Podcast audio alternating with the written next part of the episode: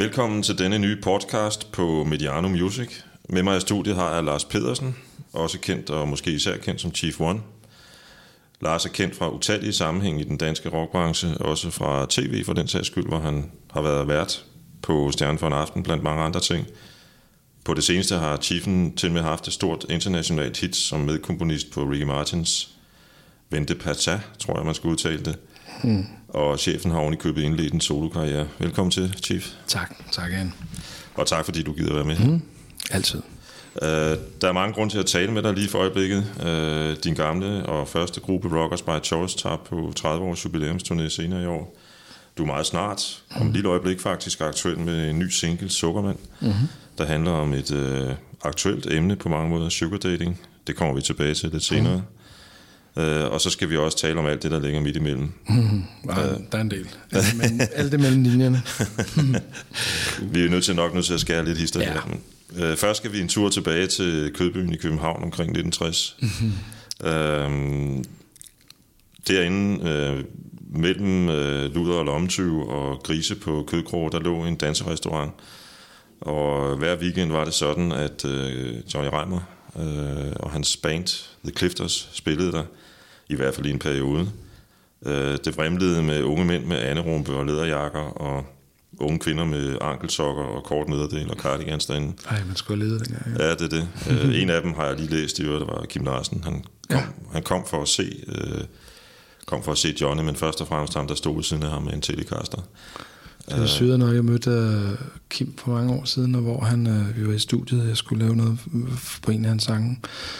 Og så siger han, du er godt klar, Chief, en af de grunde til, at jeg startede med at spille musik, det er på grund af din far og hans band. Så var jeg altså, altså så var jeg jo så stolt, som man overhovedet kunne blive. Ikke? Ja, det er det. Så, ja. øh, din far, Jan, mm. var trommeslager i, i The Clifters, og jeg synes, vi skal høre et nummer med Johnny og The Clifters. Ja.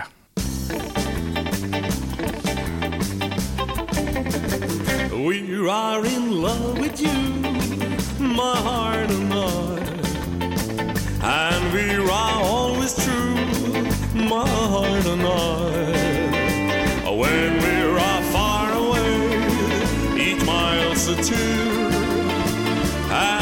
it's a lovely day when you are near.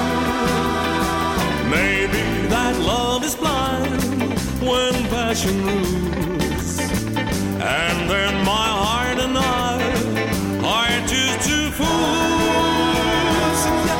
My darling, if you ever say goodbye, I, I, I, I, I know we both would die. My heart and I.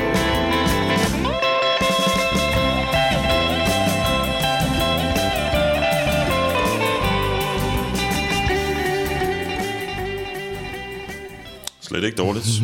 og det er ovenikøbet en af de nyere indspillinger. Det er jo rigtig interessant at høre de der gamle indspillinger, som de optog i, som du selv siger, 60'erne. Da de lavede de, de numre dengang, der var det i, i biografer, som øh, min far fortalte, at når den sidste forestilling kl. 22, publikum var ud, så hævde de sådan en spolebånd op til op, og så legnede de op, og så indspillede for eksempel Django, som blev et kæmpe hit, som i dag har solgt mange, mange, øh, den er en million, og, og, og været sådan et kendetegn for dem. Den indspillede de den her biograf jeg tror det var Islev Bio eller sådan noget, indspillet på to spor. Først, øh, du ved, øh, backing tracket og så guitaren bagefter. Og bare den der, det, det var det eneste sted, de kunne indspille. Det var, det var simpelthen i en biograf. Ikke? Jeg tror, det var Vandløse. Ja. Det er den, der for ikke så lang tid siden faktisk blev lukket. Ja, mange desværre. Virke. Ja. Sign of the Times, men, men det, det, er, det, er, det, og det elsker jeg at høre de gamle øh, indspilninger, fordi jeg kan, jeg kan høre det der med, at du ved, det kan godt være, at det ikke lyder teknisk så godt, og så videre, så videre. Den her lyder teknisk godt, det var jo indspillet Sweet Silence, det har været omkring i midt-90'erne eller sådan noget, men de der helt tilbage og optagelser, hvor, de, hvor man kan mærke, at de bare spiller for livet, det, de er helt fantastiske. Så. Hvordan husker du din, øh, altså nu taler jeg i det musikalske perspektiv, hvordan husker mm. du din barndom i et hjem med en far, der var musiker og måske havde sat karrieren lidt på, på, på hvad hedder det, på hold, mens, mens han havde små børn? Ja, han stoppede, øh, han stoppede med noget der The Scarlet, som han spillede med, fordi han ville mere bruge tid på familien, og så gik han over til at spille sådan nogle, hvad man kan sige, jobs i stedet for, hvor han bare hyggede sig.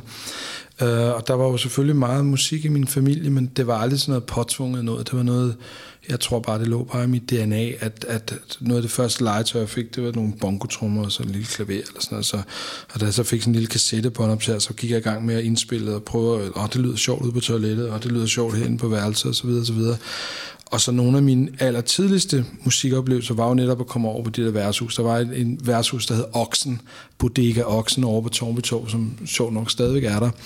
Og der plejede han at have sådan, jeg tror det var en gang om måneden, der havde han sådan en, en, en, en aften, hvor han havde så inviteret sine venner til at jamme.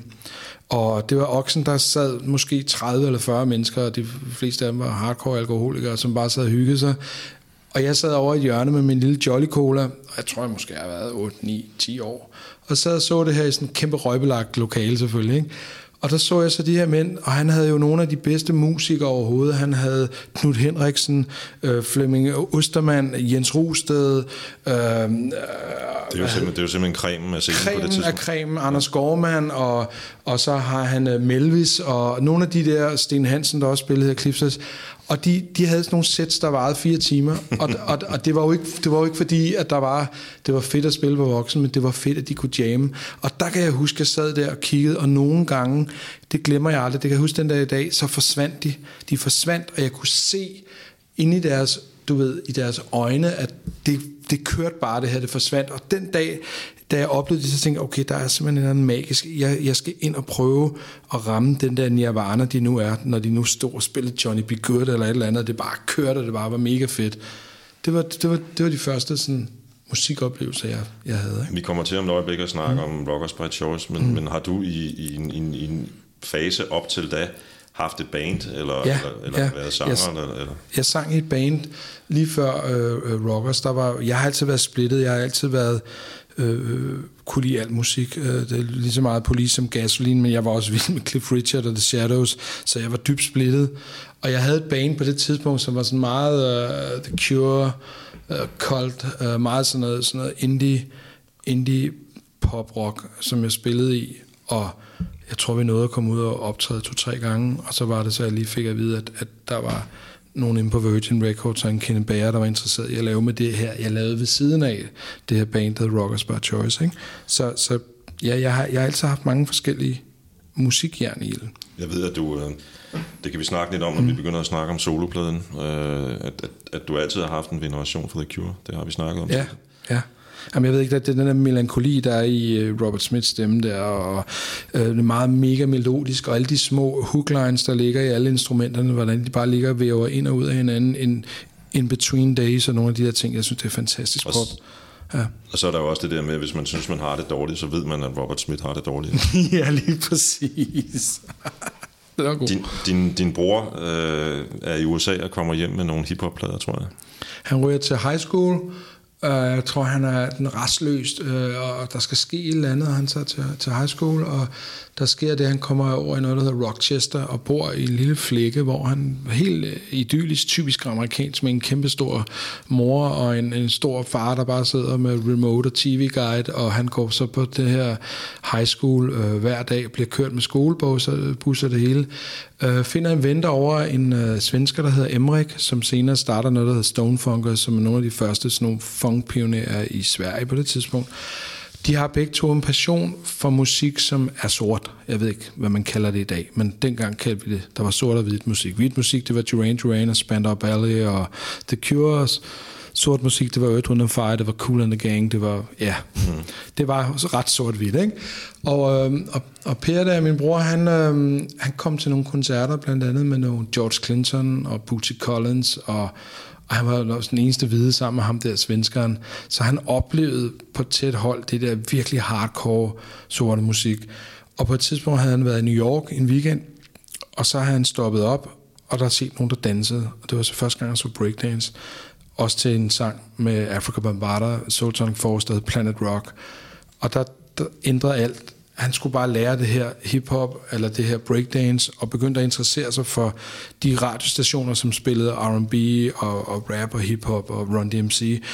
Det han så gjorde, det var, at han optog nogle af de her ting og sendte hjem til mig på kassettebånd, kom cirka en måned efter, eller hvad det nu var. Og, og de første bånd, han sendte til mig, der har han stadigvæk ikke dyrket ind i den, den sorte musik. Han, er, han var stadig det der Duran Duran, så det var sådan nogle bånd, jeg fik, der var så den nyeste eller andet, du ved, Kajagugu og hvad fanden det nu var. Og så lige pludselig de her bånd, de begyndte langsomt at skifte karakter. Og på et tidspunkt fik jeg et bånd ind, og jeg kan tydeligt huske den dag som i dag, at jeg satte på, satte mig ind på mit værelse i Tornby Torv ude på Amager. Og så kom starten til Run DMC, It's Like That. Og det var første gang. Jeg havde selvfølgelig hørt hiphop, jeg vidste bare ikke, at det var hiphop. Sugar Gang, Rappers Delight, Curtis Blow og alle de der ting. For os ude på Tornby Torv, der følte vi, det var fedt, det var funkmusik, der var nogen, der snakkede. Det var det. Vi tænkte ikke på, at det var rap, det eksisterede ikke. Men da den her It's Like That kom, som i øvrigt er en sang, hvor der ikke er nogen basgang, der er ingen trommer, der er ingenting. Der er et keyboard stab, og så en rytmeboks, og så er der et rap, som jeg bare vidste, det her, det talte til mig som, når folk siger, at de så et Solomon Show, og de så uh, Beatles, I Wanna Hold Your Hand første gang, og det var, når Bruce Springsteen siger, at det var momentet, der ændrede alt for mig. Det var momentet, der ændrede alt for mig. Og jeg løb ind til min mor, og jeg sagde, jeg tror, jeg tror, Per blev hjernevasket, fordi det er må mærkeligt, det her. Men det var også så dragende, det var så dragende, at jeg blev nødt til at høre det. Jeg skulle have mere og mere og mere glæde mig til de der bånd. Og så kommer han så selvfølgelig hjem et år efter, og ude i Lufthavn, der er han helt transformeret. Jeg, jeg, jeg kan kende ham. Han har, altså, det er helt sindssygt. Han har, han har nærmest fået sådan noget stort øh, hår. Jeg tror, fordi han hang ud, du ved, med, han havde en, en sort kæreste, og han var bare blevet nærmest en white afro-american mm, guy, du ved, og han er en kæmpe stor båndoptager, der var, du ved, nærmest, du ved, der var farvet og malet, og han hørte det her virkelig hardcore funk og R&B og rap, og, og breaket for mig og snurrede rundt på hovedet, og jeg var bare sådan, fuck, hvor er det vildt, hvor er du sej. Og, og derfra, altså, der startede det hele, det skal så lige sige et par uger før, eller et måned før, var jeg begyndt at snuse til den fortrinsvis spæde breakdance-kultur, der var inde på rådspladsen hver fredag. Der mødtes jeg med nogen, så jeg havde lidt på det, men han kom så hjem og var bare pro og styrede hele det breakdance-univers, da han kom hjem, fordi han kunne så mange ting. Ikke? Hvordan er det egentlig? Øh, begynder I at danse samtidig med, at I begynder at lave øh, musik? Vi begynder først at danse. Ikke? Altså, vi hører selvfølgelig, vi skal jo have noget musik at danse til, og det er jo de der ting, jeg snakker om, Run DMC, Africa Bambaataa de der ting. Men vores kærlighed var dans. Og øh, vi for eksempel øh, fandt alle mulige øvelokaler. Jeg kan huske inde på Gamle Kongvej, der lå, noget, der hedder Mix Shop, som i dag ser en stor tøjbutik. Og der lavede vi en, en, en aftale med ejeren om, at vi kunne få lov til at øve nede i hans kælder, mod at vi tre gange om dagen stillede os op i hans vindue og dansede elektroboogie. på Gamle Kongvej. øhm, og ellers så var det så inde på strået, hvor vi så mødtes øh, alle de, de, de der nu, der var måske 50 du ved, blandt andet Phase 5 og TNT, og der var The Duke, øh, mødtes vi derinde og breakede sammen, og, og langsomt begyndte vi at udveksle sange og bånd, og da det så blev vinter, og vi kunne danse på strøget, så var der en, der sagde, at der er et sted inde på øh, Nørrevold, der hedder Thomas Behejles Ungdomsklub, som også har været legendarisk både for i 60'erne og i 70'erne. Ja, og der røg vi så ind. Den er kendt for ja. at, at have været ramme omkring ja, først i ja. de første øh, rapper og hiphopper, men i virkeligheden var den, at den, har den jo altid, jeg har også læst om, jeg kan jo se i alle biografier, læst om, musik, der har den altid dukket op. Den, den dukker altid op på ja. et eller andet tidspunkt, den ja. dukker faktisk også op i Kim Larsens biografi. Syret. Øhm, og, og, men jeg tror også bare, det var fordi, det var en af de ungdomsklubber, som i virkeligheden bare sagde, kom, kom ind, altså ligesom lidt klub 47 senere blev, øh, sådan noget, hvor de bare sagde, men vi, vi, vi er her hver fredag, fint, I kan få lov til at få det øverste, den øverste sal, og den fik vi, og der var nærmest ikke noget opsyn. Så jeg tror også, det der, tillid. Jeg tror altid, vi har fungeret godt under i hvert fald mig og mine homies har altid fungeret godt, når der var lidt det der med, Nå, men I, vi, vi stoler på jer. Det er frihed under ansvar. Det tror jeg, vi har været meget bedre til at tage imod, end det der, du ved, opsyn hele tiden. Ikke? Ja.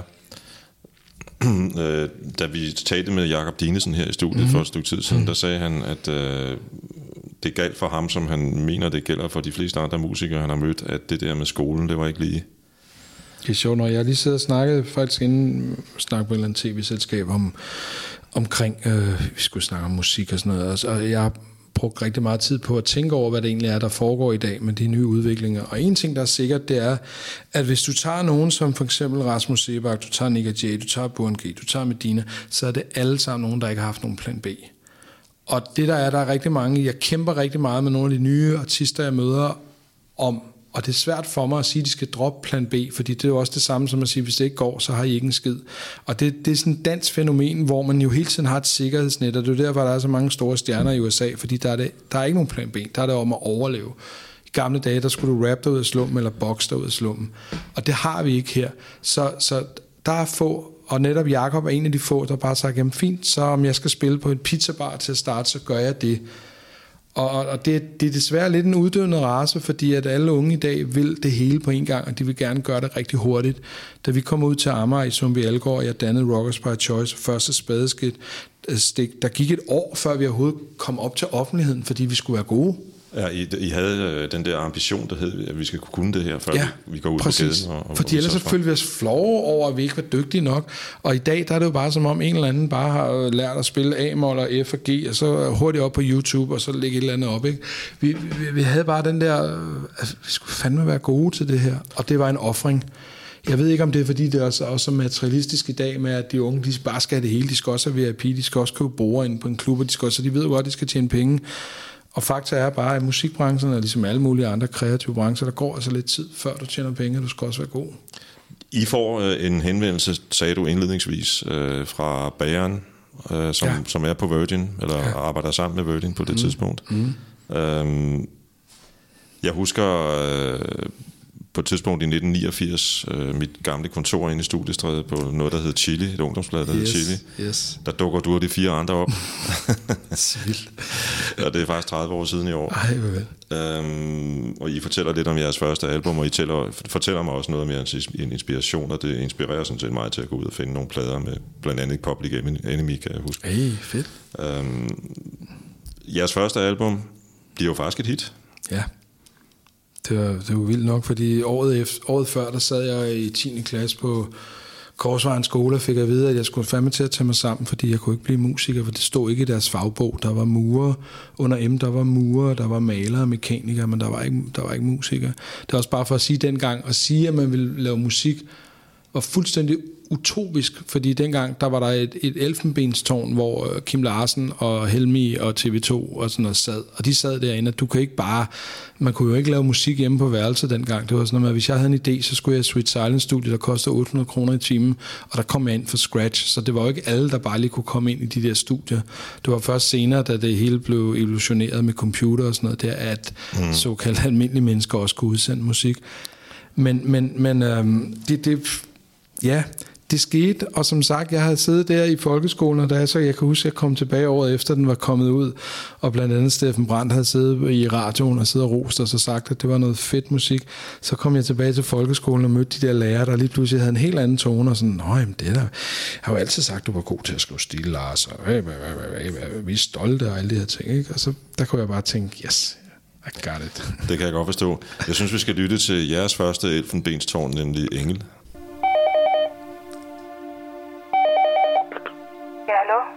Ja, hallo, det er mig. Jeg vil bare spørge, om vi ikke snart kunne ses igen. Jeg er ret ked af, hvis du tog det på den.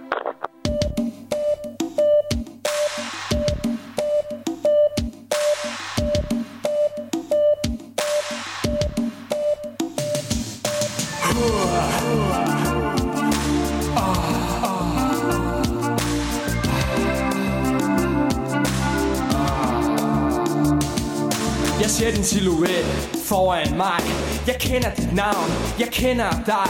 Min kærlighed er stor, som du nok ser. Der er ingen grænser, for jeg vil have mere. Mine følelser er enorme, ligesom denne jord. Mit liv har du hængende på en snor. Inderst inde føler jeg, jeg er til grin. Jeg er så småt ved at fatte, at jeg aldrig bliver din. For du er en eller anden andens pige. En realitet, der er hård, og det må jeg skulle sige. Jeg har aldrig før set en pige som du. Hvor har du været hele mit liv? Hvorfor kommer du først nu? Der er vist intet mere at gøre. Jeg ved, hvor jeg står Inde i en ulidelig situation, som jeg ikke forstår. Hej jeg en chance, eller er jeg lidt for sær? Det skal du vide, unge dame, for du er mig kær Og du er min engel, min engel,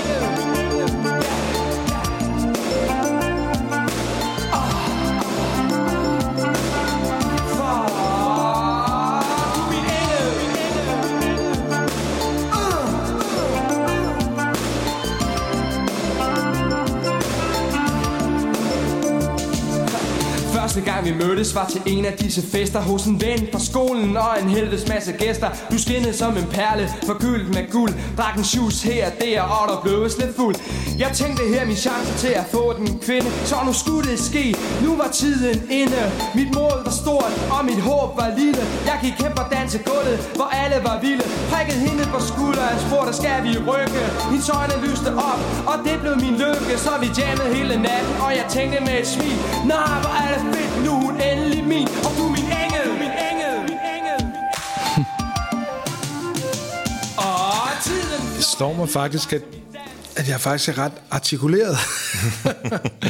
Nej, men det er sgu også en ting, jeg kæmper faktisk med i dag rigtig meget med, med, med nye artister. Det er faktisk artikulation. Der, der er sådan en, ligesom når man hører Kim Larsen eller Rasmus Sebak, der er sådan et eller andet over, at at enten kan man artikulere, eller så kan man ikke. Og jeg må sige, jeg synes faktisk, at jeg artikulerer rigtig godt. Der er en masse grammatiske ting i den tekst, og den er meget naiv og alt muligt, men den er meget, meget ærlig. Og jeg kan huske, at jeg stod og indspillede den, det var oppe i Ranum-studiet, det var blandt andet Jesper Ranums værk, musikken her, for dengang kunne jeg slet ikke finde ud af at lave musik, øhm, men, men det, det er ham, der skal have æren for, at musikken lyder sådan, som den gør. Men da jeg stod der og indspillede den der sang, som jo egentlig bare var en B-side til, til nedtur, og Engel er skrevet for pausemusik i vores koncerter, fordi at de andre skulle have en pause, og det var min trommesolo, kan man sige. Så øhm, sad de andre bare inde i det andet rum og ringede telefonfis til Japan og Kina, og hvad de nu kunne ringe til. Og en gang imellem, så stak jeg hovedet med. Lige høre det? Ja, jo, vi vil lige ved at ringe til et andet hotel og bestille nogle værelser i, i Mongoliet eller et eller andet. Jeg Det var sige- faktisk en standard, standard ting på det tidspunkt, at folk gjorde sådan noget som det der. Hvis de kom i nærheden af en telefon, Hvis du kommer lige hvis man ikke selv ejet, så skulle man ringe til et eller andet og prøve at bestille et eller andet, eller gøre et eller andet. Jeg, plejer at sige, øh, og det skal, skal jeg så skynde mig at sige, ikke helt 100% alvorligt, at øh, jeg kommer nok først på hiphop, øh, når Chuck D har undskyldt sin udtalelse om Elvis Presley, som han er kommet en. Han, han Jeg tror også, jeg tror også han, han, han, han sagde det skulle mere lige præcis den linje for at være mere rated, altså radikal, for det er jo fuldstændig løgn. Hvis der er noget Elvis ikke var, så var det kraftigt ikke racist. Nej, han er også godt være, at John Wayne var det, men, men det var fandme ikke Elvis. Altså. Nej, han har også modereret det senere. hen. Er sådan noget helt Ja, ja tak. Men, men øh, det er jo en kendskærning, uanset hvad jeg eller andre måtte mene, at hiphop i dag øh, på mange måder er det, som rock and roll var på et tidspunkt. Mm. Det er den genre i USA, der sammen med country sælger flest plader. Ja. Øh, Det blev populær, altså det blev populær kultur. Det er erstattet pop- og rockkulturen. Det er rock og pop er blevet en niche. Ja. Speciel rock. og, og oven i købet, så kan man, jeg mener jo stadigvæk, at man kan mene, hvad man vil om Kanye West. Han er Toms måske eneste ven i, i kunstnerverdenen. Men, men, men, men, men øh, hans uh, My Beautiful Dark Twisted Fantasy vil stadigvæk, når det her år er slut, være en af tiernes mest spændende øh, rockalbum. 100 procent. Jeg har altid synes, han har lavet pissefedt musik. Og et eller andet sted, så har han bare været rigtig god til at markedsføre sig selv, og nogle gange så har han markedsført sig selv helt i hegnet, fordi han nogle gange bare skulle holde kæft.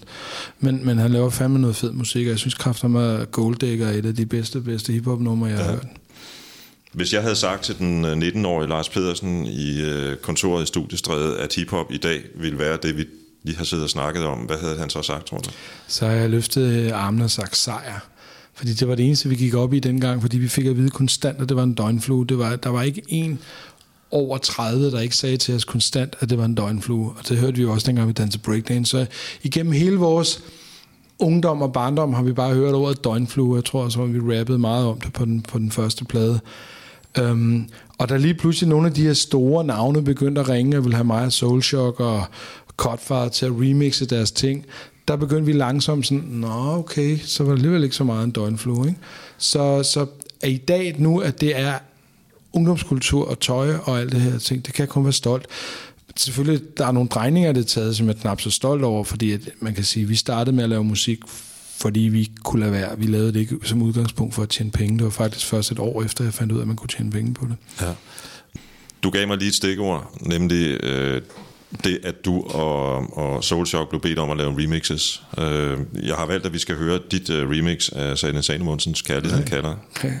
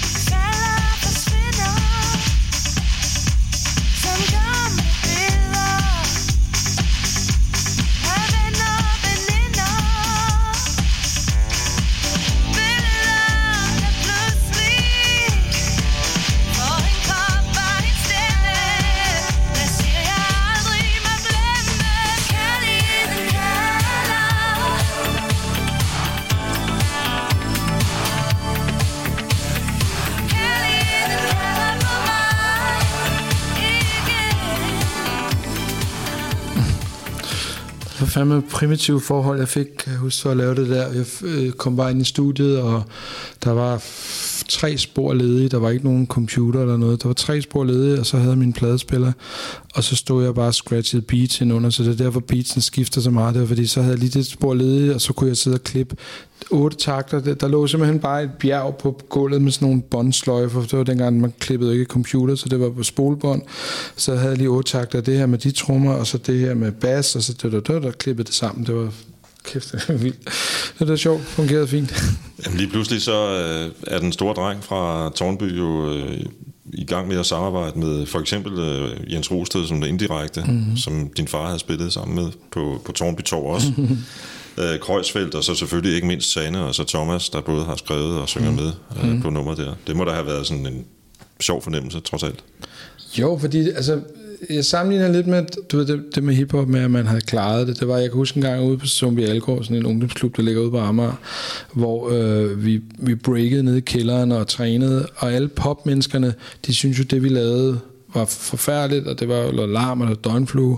Og så kom der en sang, der hed We Ain't Gonna Play at Sun City, som var sådan en boykot af Sydafrika, det var Bono og alle de der ting. Og der på et tidspunkt kommer der et rapstykke med Run DMC, og, jeg, og det nummer blev spillet op på, på diskoteket, hvor det ellers kun spillede Rick Astley og sådan noget, som vi ikke brød os om.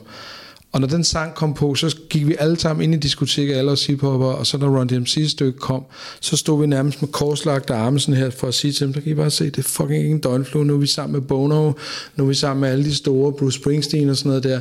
Og lidt på samme måde havde det lidt som, nå, nu står jeg med, med, med Sanne og, og, og de helt store drenge, så, så noget rigtigt har, har vi gjort. Jeg husker det som, at det var Lille Steven, der havde skrevet nummer. Ja, det er rigtigt. Fantastisk nummer, jo. Men, men der, så, så det var lidt den, for ligesom sammenligne, det var den følelse, jeg havde, fordi at hiphop, det var sgu ikke så meget mig, at nu har jeg nået at stå ved siden af dem. Det var mere, nu har jeg som, som en del af den danske hiphop-kultur formået at vise, at vi ikke er en døgnflue. Ja vi kommer tilbage til nogle af de kunstnere, du sådan kommer til at, at, at producere for senere hen, øh, lidt senere. Mm. Øh, men har du, altså, du fortalte egentlig meget, meget sådan stærkt øh, lidt tidligere om, hvordan du sad på dit værelse sådan, og forestillede dig, hvordan du sådan satte musik sammen. Mm. Har der altid været en producer i, i Lars Pedersen, tror du?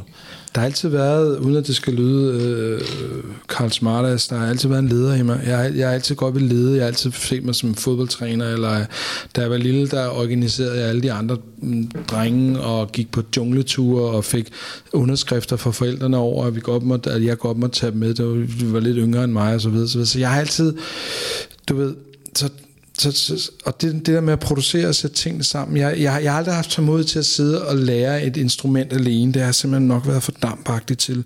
Så, jeg, så da jeg lige pludselig fandt ud af, at hey, jeg kunne sidde og mixe ting sammen, jeg kunne tage noget fra Rolling Stones og lægge sammen med Beatles og Run DMC og James Brown på et, på et, på et kassettebånd, der havde fire spor. Da, da jeg fik fire spor båndoptageren, der ændrede mit liv så fuldstændigt. Der sad jeg bare på mit værelse og mixede og mixede, og satte alle mulige mærkelige plader sammen, som ikke, egentlig ikke på papiret kunne hænge sammen, og skabte min egen musik af det. Det var det, jeg lærte at producere. Og, og, og senere fandt jeg ud af, at så skal jeg også have nogle rapper, nu skal vi også lave band. Ligesom jeg også dengang, da jeg dansede breakdance, så var jeg også ham, der satte sammen og fandt ud af, hvilken koreografi det skulle være. Ringede ned til Amagerbanken og spurgte, om vi kunne danse for dem og alle sådan nogle ting. Så det, har jeg, det er lidt det samme som også at være en producer. I dag der er producer blevet lidt udvandet, fordi bare man har en computer og et musikprogram, så kalder man sig producer, og det, det, det er mange forskellige ting. Det skulle også at sørge for, at folk kommer til tiden og inspirere dem og motivere dem. Det kommer vi tilbage til lidt senere nemlig. Øh, I forlængelse af det, du siger der, så kunne jeg godt tænke mig at spørge, om uh, Sound of Seduction er et projekt uh, skabt af dig i virkeligheden? Ja, det er mig en, der Jesper Vindik. Det var et projekt, fordi på det tidspunkt var jeg begyndt at kede mig lidt i hiphop, fordi lige pludselig var der begyndt at komme regler i hiphop. Lige pludselig fra den kultur, jeg forelskede mig i, fordi man måtte det hele, og man måtte blande alt. Lige pludselig, det har været i start 90'erne, så blev det meget med, når jeg sad og arbejdede med unge hiphop, og så sad det sådan, ej, du kan ikke lægge klaver, øh, reggae-klaveren over, det kan vi ikke, vi er West Coast, og så er jeg bare sådan, jamen, er det, er det fedt, eller er det ikke fedt? Altså, fuck, hvad der er West Coast, og hvad der er East Coast. Der begyndte at komme sådan nogle meget stramme regler, hvad der var cool, og hvad man ikke kunne, og man kunne ikke bruge live-instrumenter, hvor jeg sagde, prøv alt det i samlerfældet, det er live-instrumenter, lad være med at komme og, og, og fortælle mig det her. Og der begyndte jeg bare lidt at føle, at der kom nogle begrænsninger, og på det tidspunkt begyndte popmusik at blive rigtig interessant. øh, popmusik i start 90'erne begyndte bare, og der kom en blanding, en sjov hybrid af hiphop og disco og elektronisk musik. Depeche Mode begyndte at blande sig med, med uh, Public Enemy og gammel disco. Der kom bands som Bomb the Bass, der kom Todd Terry. Det, det der senere blev kaldt housemusik, uh, begyndte jeg at blive meget interesseret i. Og housemusikken blev jo så senere til det, der hedder øh, hvad hedder det, Eurodance, fordi det er jo klart, at europæerne, får, som altid får fat i noget, der, der er skabt i USA eller et eller andet, så, så laver de det. Øh, nu er det lidt forkert, for det blev også skabt i England, men, men, men der blev lavet sådan en, en, en hybrid af det, som blev Dr. Alban og blev Snapper og alle de der ting, og det begyndte jeg at interessere mig fedt, fordi jeg kunne høre i starten, at der var så mange hip-hop elementer i, det var før, at det blev alt for trance og techno ikke? Og der kan jeg bare huske, at jeg gik rundt ned på øh, en ferie i Grækenland med en, der hedder Jesper Vindik, som har været en gammel koncertpromoter for Rockers, og så sagde at jeg, jeg, vil godt, jeg vil godt skabe et band, der laver den her type musik. Jeg synes Snap og CNC Music Factory og Bomb the Bass er mega fede. Så der fik jeg ideen til, at jeg, da jeg kom hjem, så i BT faktisk, dit gamle blad, fik jeg, jeg har faktisk en artikel et eller andet sted, hvor der står, øh, chefen søger sangerinde til et nyt projekt. Og det var så skulle blive Sound of Seduction. Og Remy fandt jeg så ude på et diskotek, hvor jeg var dommer til noget, der Årets Rapper i Næstved, hvor han var en meget, meget hardcore Fight the Power Malcolm X hiphopper med sådan lidt golfhår, som bare rappede hardcore og ville slet ikke lave pop overhovedet. Så jeg satte øh, ham sammen med de her to piger øh, til gruppen Sound Seduction, og så, så lavede vi deres første plade. Og det gik jo rigtig godt, faktisk. Øhm, jeg har valgt, inden vi lige snakker lidt videre om Sound mm-hmm. Seduction, at lytte til et nummer, som er lidt atypisk, fordi det er featuring Chief One. Det hedder Magic 95. Oh, ja.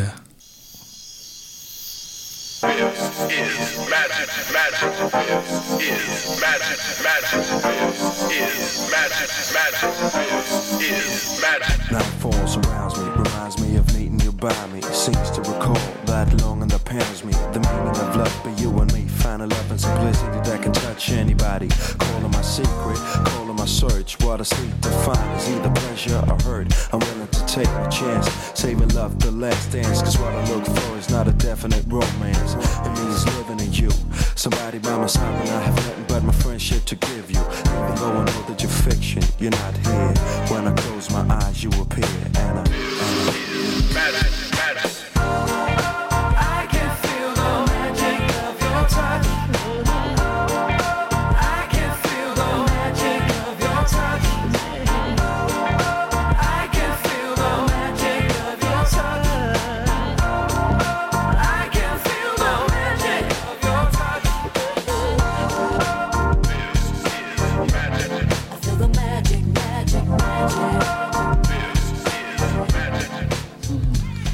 Det har jeg ikke hørt ja, siden dengang. Det er 94 eller sådan noget. Hvordan, hvordan lyder det for dig? Der? Det er faktisk ret fedt. Altså det, jeg, har det, jeg har det jo meget, meget svært med at høre noget, jeg har lavet. Det som regel, at jeg giver det altid de der 5-6 års test, hvor jeg, når jeg er med en sang, så er jeg med den så konstant, at folk, der er i rum med mig, kan ikke holde ud, fordi jeg hører bare det samme brudstykke tusind gange. Når jeg lavede en sang, så har jeg været igennem 5.000 gange, eller whatever, et eller andet, før den er færdig. Og så har jeg det lidt som om, at jeg ligger sådan en kurv med et lille nyfødt barn ned af en, af en, en stor lang å, der så bliver taget af, af, andre mennesker, og så ser jeg det ikke mere, og jeg har egentlig ikke lyst til at have noget med det at gøre, før jeg måske på en eller anden ferie 5-6 år efter lige tager min iPad eller et eller andet, og, og gud, lad mig lige høre, og 9 ud af 10 tilfælde, der kommer jeg til og bare lægger det væk. Men der er få øjeblikke, hvor jeg lige tænker, øj, det var sgu meget godt, og jeg synes faktisk, det der var ret fedt, og jeg synes Remy rapper pissefedt på det der. Jeg synes faktisk, det det og er, en god sample, jeg lige fandt der, som du jo også ved, du lige spottede med det samme. det er jo fordi, jeg benytter jo enhver lejlighed til at tale pænt om, om Hall Notes. Yes, det gør jeg også. øhm, og i virkeligheden er det jo også et nummer, der, der meget godt illustrerer det, du sagde før. Nemlig, at det her er en fase i, i øh, populærmusikken, hvor, alle, altså, hvor der opstår nogle hybrider mellem forskellige ting. Ikke? Ja, hvor det helt blander. Jeg elskede også at komme ind på Coma Club med Kenneth Bager, fordi der går hiphopper og dancefolk og alt muligt. Der, det var før, der begyndte at sige, Nå, okay, hører du hardcore trance, eller hører du euro, eller hører du bare house, eller hører du deep house, eller du ved, der begyndte at komme alle de der deep urban subkultur. Der, der blev jeg sådan lidt, hold nu op, det er Kejsers Nye Klæder, er det en fed sang, eller er det ikke en fed sang? Øh, og, og på det tidspunkt var musik fantastisk. Øh, jeg, vil, jeg vil skulle sige, at hiphoppens guld, guldaldertid var i 88-89 den her popmusik, der som senere blev til så mange genrer, det var i 92, 93, 94, så var det virkelig, virkelig spændende. Så begyndte Danmark at lave, og hele verden begyndte at lave sådan nogle Eurodance-ting, og der stod jeg lidt af. Um, det er jo ikke nogen hemmelighed, at, at uh, der kom, at, at den fase med Sound of Seduction blev vigtig for dig. Uh, mm. Den blev bestemt også vigtig for Remy, Remy fordi mm-hmm. det, det var ligesom det, der bragte ham frem i, i den, hvad skal man sige, det musikalske øh, lys første gang. Øh, du blev gift med den ene af sangerinderne, mm. Christina Groth. Mm. Øhm, var det derfor, I lukkede ned, fordi du synes, det begyndte at gentage sig selv? Nej, vi lukkede ned, fordi at der skete noget mellem, øhm, hvad skal man sige, powerstyrken blev splittet i kraft af, at det men, ham, jeg havde lavet det med, Jesper Vindik, han havde nogle helt andre idéer, som ikke, øh, hvor jeg ikke skulle være en del af det. Så jeg blev kørt ud på et sidespor, og, og ham og Remy overtog bandet og, og kørte det ud i en stilart, som blev meget mere Eurodance og meget mere techno, og det var ikke det, jeg havde ønsket med det projekt. Øh, det var en hård tid for mig, fordi at det var mit barn, og jeg, jeg kan altså straight up, jeg blev fucket, og, og, og jeg blev kørt ud på et tidsspor, og, og der var nogle mennesker i branchen, som ikke var så øh, specielt søde og rare. Øhm, de mennesker har gudskelov undskyld, undskyld men, men det, var, det, var, det var en hård tid, øhm, og, det, og da, det, da jeg så kom tilbage, der er noget, vi lige har lavet, Welcome to my world, som jeg synes er klart det bedste nummer, de nogensinde har lavet. Fantastisk nummer, ja. Tak. Og det var, da mig og Remy fandt hinanden igen, efter han havde fundet ud af, at den retning, han havde taget med, med ham den anden, ikke var specielt fed. Mm. Um, og så var det bare for sent, så var energien, den var, den var bare død. Det er ligesom, du ved, kapitlet var overstået, og jeg tror også indbyrdes, de tre, de kunne bare ikke, de kunne ikke sammen. Det var, det var ikke sjovt. Så det var sjovt nok, paradoxalt nok, det var på vej, de var på vej til at få et kæmpe gennembrud. De ved, lige havde indspillet, eller været nede og spille kæmpe tv-shows i Grækenland og været i Spanien, og der, der lå faktisk hele Europa at var klar. Og i flyveren hjem fra en af de helt store promotion tour, der gik de i opløsning. Og det var også en af de ting, der er lidt svært nogle gange, når man har brugt rigtig meget tid på noget, og når man så lige står foran regnbuen, eller guldkrukken, eller hvad det nu er, så, så gik det bare ikke. Og så skulle gik Remy i gang med at producere, ikke? og jeg ja. fortsatte med mit. Man kan sige, at, at du finder jo, som jeg sagde før, sammen med, med Christina, og nu, nu springer jeg lidt frem mm. i tiden, øh, og I får øh, mindst to børn sammen. Er en. Øh, en. Ja, ja, men... Ja. men øh, okay.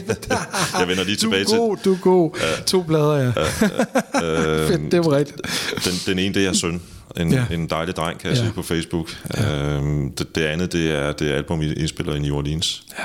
Og jeg er nødt til at bede dig om at udtale det, fordi jeg er lidt i tvivl om, hvordan jeg gør det. Piety Street. Piety Street. Ja. Øhm, desværre noget overset album. Ja, men øh, altså det man skal lære med musik, der er forskellige typer succeser. Der er de store kassesucceser, og så er der de personlige, og så er der de hjertesucceser. Og den plade var helt klart en af de bedste og vigtigste plader for mig, fordi vi finansierede det helt selv og lavede det selv. Og det er måske også derfor, at den ikke blev den store. Vi havde heller ikke et stort radiohit.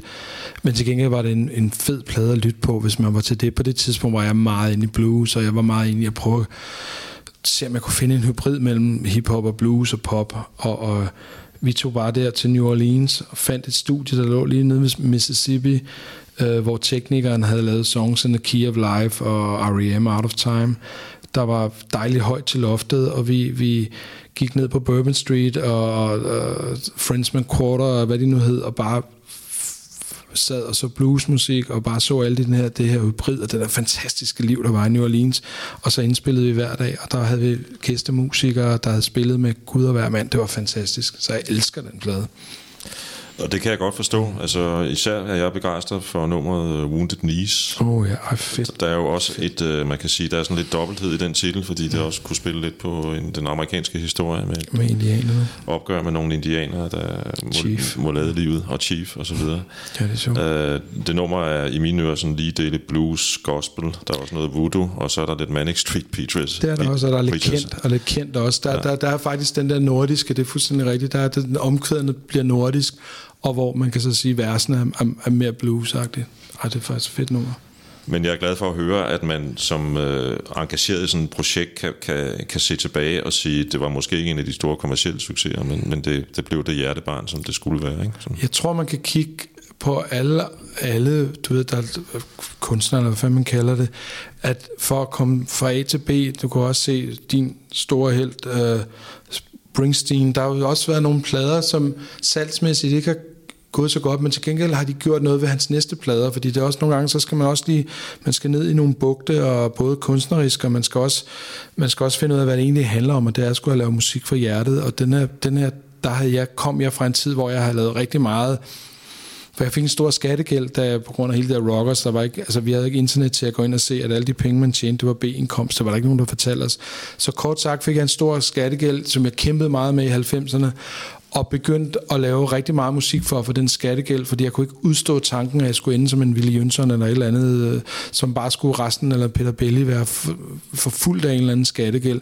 Så jeg gjorde alt for at få den væk, og, og lavede børne-MKP, og lavede, du ved, B-Boy, Shit Kid, Ras, og alle de her ting, og solgte sindssygt mange plader, til at kunne få råd til at gå op i Torbe Rådhus, og så ligge den der store check, hvor jeg så regnede med, at det regnede med konfetti, og der kom, der, var bare en lidt ældre dame, der bare tog den her check, som jeg kunne lige så bare rejse væk med, ikke? Men, men det føltes bare rigtig godt bagefter. Og der skulle jeg så overveje med mig selv, skal jeg fortsætte med at lave det her børne-MGP og alle de her ting, fordi det tjener jo shitload of money på, eller skal jeg finde tilbage? Så jeg tog en kold tyrker, og den kold tyrker var også den plade, der hed Party Street, for jeg vidste godt, at det ikke var en mm. plade, der ville sælge, men jeg skulle, til, vi skulle tilbage. Inden, øh, inden I kommer til at lave det album, der er et af de album, du, du, eller et af de album, du kommer til at arbejde sammen, eller arbejde, mm. arbejde på, det er Kim Larsens Weekend Music. Mm. Mm. Jeg har taget ham frem, fordi han nu er Larsen, og fordi mm. du har din øh, tydelige rødder øh, gasolin, ja. i gasolin. Øh, der var sågar en, en genindspilning af Rabalderstræde på jeres, et af jeres album. Uh, Weekend Music er et, et, uh, det skæve album i, i Kim Larsens. Det var lige præcis en, en plade, han havde brug for. Præcis. Og der var på Broen pisse genial til, netop ligesom han gjorde dengang, han lavede Værsgo. Giv lige, lave det her. Værsgo blev så en kæmpe succes, ikke? Men det er rigtigt. Det kan man ikke beskylde Weekend Music for at være til gengæld, men, men, men det har sikkert været godt for Larsen at få det gjort. Ja, fordi jeg vil ved på, nu ved jeg ikke lige præcis, hvad for en plade, der kom bagefter, men jeg er sikker på, at det var Og Glembogen, sammen ja. Glembogen. Og den gik vist ret godt, ikke? Den solgte over 100.000. Ja, så det har været et klart behov, for det er ikke sikkert, at sangen for Klemmebogen havde kommet, hvis han ikke havde fået lov til at flippe lidt ud. For den plade var noget, hvor han skulle få lov til at øh, genindspille gamle sange fra hans barndom. Altså den sang, jeg medvirkede på, der sang han på, på, på italiensk. Ikke? Altså jeg mener, hvor weird er det? Og jeg fik bare lov. De, de, de, Paul Brun ringede til mig, vi sidder herude og kæmper med den her sang af Paisa, eller et eller andet, hvad den hedder, Okay Paisa, så kan du ikke, kan du ikke gøre et eller andet? Vi er ved at løbe kold på den. Så sendte, sendte de en taxa ud med en CD, og så var der så bare hans vokaler. Og jeg fik bare frie hænder, og jeg, altså, det er jo ikke, det er ikke mit, mit proud moment, men det var, så cool, det var anderledes. Og det, der var allermest cool, det var, da jeg så sendte ind med taxa tilbage, så fik jeg bare sådan en, Kim er vild med det. Kom ned i studiet i morgen, og der var det der, jeg mødte ham, og han stod og roste og sagde, at han var begyndt at starte med at lave musik på grund af min far og sådan noget. Og så skete der så det, som jeg, var, jeg synes var endnu federe, det var så, at den plade så kom ud, og jeg sad hjemme med mine forældre og sad og så øh, et, Hans Otto Bisgaards, øh, han havde det der musikprogram der, og så, så, så, så sidder han og interviewer Kim Larsen, og så sidder Kim Larsen, så siger, så siger Bisgaard, men så havde jeg jo det her nummer her, og det kan jo ikke rigtig få til at fungere, hvad så? Jamen, øh, så sendte vi det skulle hjem til Chiefen, ikke? Så sendte vi skulle hjem til Chiefen, og så fik jeg det, blev pisse fedt, mand. og jeg sad bare sådan jeg havde det stolteste øjeblik, jeg overhovedet kunne tænke mig, og mine forældre var bare nærmest ved at græde, ikke? Fordi Lars Pedersen, Torby Torv sidder og bare bliver skamros af Kim Larsen, ikke? Som jo er the biggest det kan, jeg næsten, det kan jeg næsten ikke blive større om. Det, det. jeg synes lige, vi skal høre en, en snas af nummeret. Okay, bye så!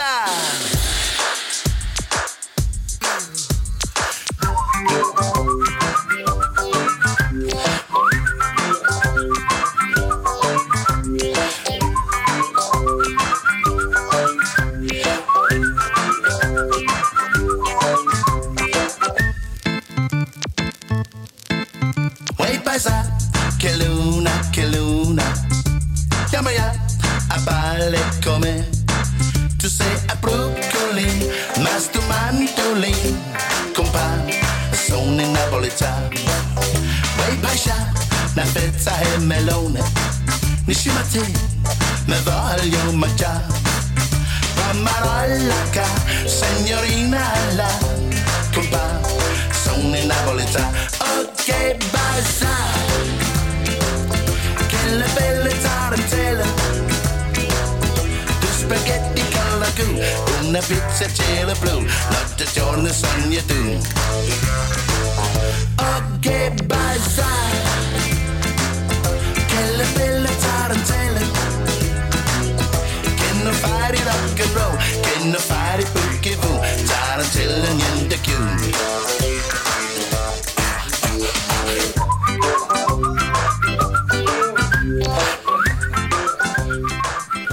Hold nu op en gang LSD, mand. det er med syre, der er så mange stykker, men det er sjovt, fordi omkvædet, det slår mig fuldstændig. Det er jo som at høre i et gammelt nummer med Clifters. Det er jo fuldstændig det, er jo, det, det er jo vildt. Det er først nu, det går op for mig. Hele den der, der er en basgang. Dum, dum, dum, dum, dum. Det lyder som gammel Shadows nummer. Jeg tror, det er FBI eller et eller andet. Det, så så det, det, det, det, der, det var sådan jeg kom til at producere det på grund af, at der lå Shadows og Clifters. Ej, det er virkelig syret, men man er jo det, man bliver født og vokset op med. Ej, Og, syret. og, og ingen tvivl om, at man kan også, øh, jeg synes, jeg kan høre, og det er også en af grundene til, at jeg har, har valgt at tage det med her, ikke? At, at man, kan, man kan også høre, at han nyder det. han leger, han griner, altså, og, og, og, og, altså det er jo ikke et nummer, man på nogen måde vil tage op, men det er bare pisse sjovt, og jeg, jeg synes bare, det er fedt, at, at han tør at sende sådan noget, fordi det er jo virkelig syret, det er jo nærmest et eller andet avantgarde pop-agtigt. jeg, jeg, jeg skal ikke gøre mig klog på, hvilken øh, en, en genrebetegnelse på det. det, er ikke, det er ikke K-pop. Nej, det er det. øhm, du kom til at arbejde, og også for inden Kim, du har jo blandt andet arbejdet sammen med Lars Hug, kan jeg huske, Ja. og, og, og senere Kæmpe hen kom. Ja. øh, ja, nemlig, ikke? Og, mm. og senere hen, øh, og Lars Hug kommer også til at inspirere dig, da du endelig springer ud som solist, tror jeg. Ja, i den grad. Øh, Du kommer også til at arbejde sammen med et par af de gamle drenge, som mm. jeg vender tilbage til om mm. lidt. Øhm, Hvordan foregår egentlig den første, det første lille afsnit af processen, når man skal til at producere? Fordi en ting er, at du får tilsendt et bånd, øh, som du gjorde med Sane, som vi snakkede om tidligere, og som du har gjort her, Johnny Madsen også. af Johnny Madsen. Øh, men når du skal ind i studiet sammen med en af de der store navne, øh, Øh, hvordan, er, hvordan er det første skridt? Altså, føler man hinanden lidt på tænderne? Snakker man om musik sammen en whisky, eller hvordan foregår det? Det er meget forskelligt, alt afhængig af hvem det er. Øhm, men, men, men det er klart, at i et studie, altså man kan jo sige, der er mange forskellige plader, jeg laver. Der er også de der plader, jeg bare, som du siger, jeg får vokalerne sidder og arbejder med det alene. Så er der de store bandproduktioner, som man desværre ikke laver så meget mere, hvor man har bandet. Og det er min hjemmebane. Altså, der, der, er jeg bare, der er jeg bare, ikke kongen, for det er ikke det, man bruger. Der er jeg bare, der er jeg bare den bedste fodboldtræner i verden, fordi jeg ved lige præcis, det jeg er god til, det er, at når bandet så spiller en sang, så kan jeg jo lynhurtigt finde ud af, hvad der er galt, hvor det er galt, og hvem der gør det galt. Og tit med et band, de står tit bare og spiller. Bassisten, han står dybest set, de fleste bands, så står bassisten og lægger mærke til sin egen basgang, tromklaren tænker sit eget spil. De alle sammen har deres hoved op i deres røv. Så det der med, at der skal komme en og sige, jamen det er fint nok, og det, men, men prøv at høre, I lytter ikke til hinanden. Det er ligesom en, en fodboldbane, hvor de bare løber rundt. Det kan godt være, at det er Messi og det er alt muligt, men der er kraftigt ikke nogen, der spiller sammen. Og det der, det, det er sådan, og selvfølgelig starter man med, jeg brager ikke ind, fordi der er også nogle producer, der bare sådan, nu skal I bare høre, det gør jeg ikke. Jeg, jeg finder ud af, hvad, hvad, hvad er det egentlig, vi, vi skal lave her? Det er vigtigt, det her, vi skal lave. Hvorfor er det vigtigt? Øh, jeg har haft nogle bands, hvor jeg nærmest har siddet og snakket med dem, for at få dem til at fortælle dem, hvad, hvorfor er det, du laver musik? Har du, har, kan du huske det? Hvad er dine yndlingsplader af dem, vi har lavet? Hvorfor? For at finde tilbage til, til glæden, og finde tilbage til, jamen, hvad, hvad, hvad, hvad, hvad, hvad er det, det her handler om? Det må aldrig blive et 9-4 job. Øh, og der har jeg også lykkedes, jeg ved, at de meste af de, det man kalder de ældre bands, jeg har indspillet, har jeg, ved jeg, jeg har givet et nyt liv, efter jeg har indspillet med dem, fordi de alle sammen har haft det der med, fuck, det var en musikalsk oplevelse, hvor var det fantastisk og hyggeligt, og og fedt, øh, fordi jeg, jeg ærligt, når jeg laver sådan noget, så tænker jeg sgu ikke så meget på radiohits og alle de der ting. Så der er også nogle af de plader, jeg lavede med dem, som måske ikke har været kæmpe store hit, men det er faktisk plader, som bands de elsker de, band, de plader, de bedst kan lide af alle dem, de har lavet. Altså jeg har jo selv hørt, øh, og vi, jeg vender lige tilbage til Madsen lidt senere, ikke? men Mhm. jeg har jo også for eksempel hørt Big, Big Fat Snake sige det samme. Den var du vist sammen med to gange, tror jeg, på to album. Ja, og der er jo mange, der siger, ej, Big Fat Snake, hvad fanden, det er jo på en svar, madame, hvordan kan du... Men der havde sådan et... For mig var det også... Jeg, jeg har altid været sådan et, når folk siger, det kan du ikke, så gør jeg det. Eller når folk siger, det må du ikke, så gør jeg det. Og, og tage sådan en band, det er jo, du ved, det er jo ikke fordi, at, at de har jo lavet nogle ting i gamle dage, som måske ikke... Og det er sjovt nok, sådan har de det også selv.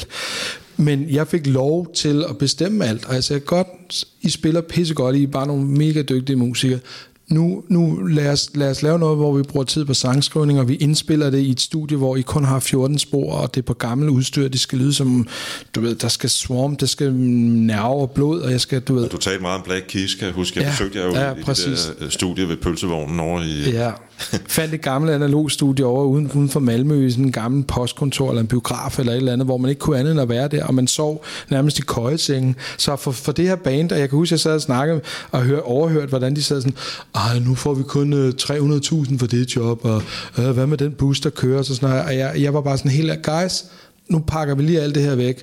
Jeg, jeg sidder og arbejder med en bane ved siden af, som, som får 6.000 for at spille et job, og, og de er bare, øh, du ved, nu, nu må vi lige tilbage til det der. I sover i den her søj, øh, og køjeseng, og vi laver den her pølsegryde, når vi skal spise, og vi drikker det her rødvin, og så er der ellers bare musik.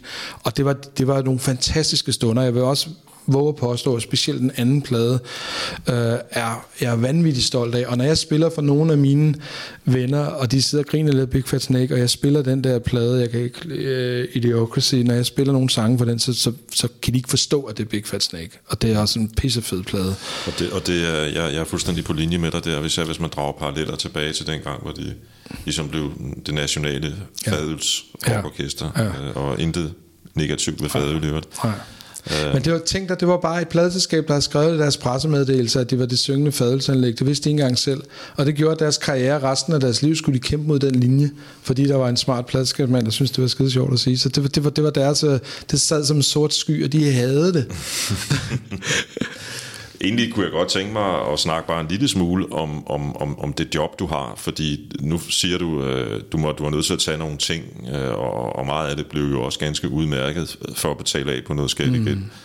Øhm, men, men, men når jeg ser, hvordan sådan nogen, som, som du arbejder, jeg har jo også siddet og kigget på dokumentarer, jeg har også været i studie med andre producer, så tror jeg ikke, timelønnen er sindssygt høj. Nej, det er det sgu ikke. De der plader, man laver, specielt de der med, altså, du ved, jeg, man laver en, en plade med en artist, så tager det måske et halvt år eller et eller andet, ikke?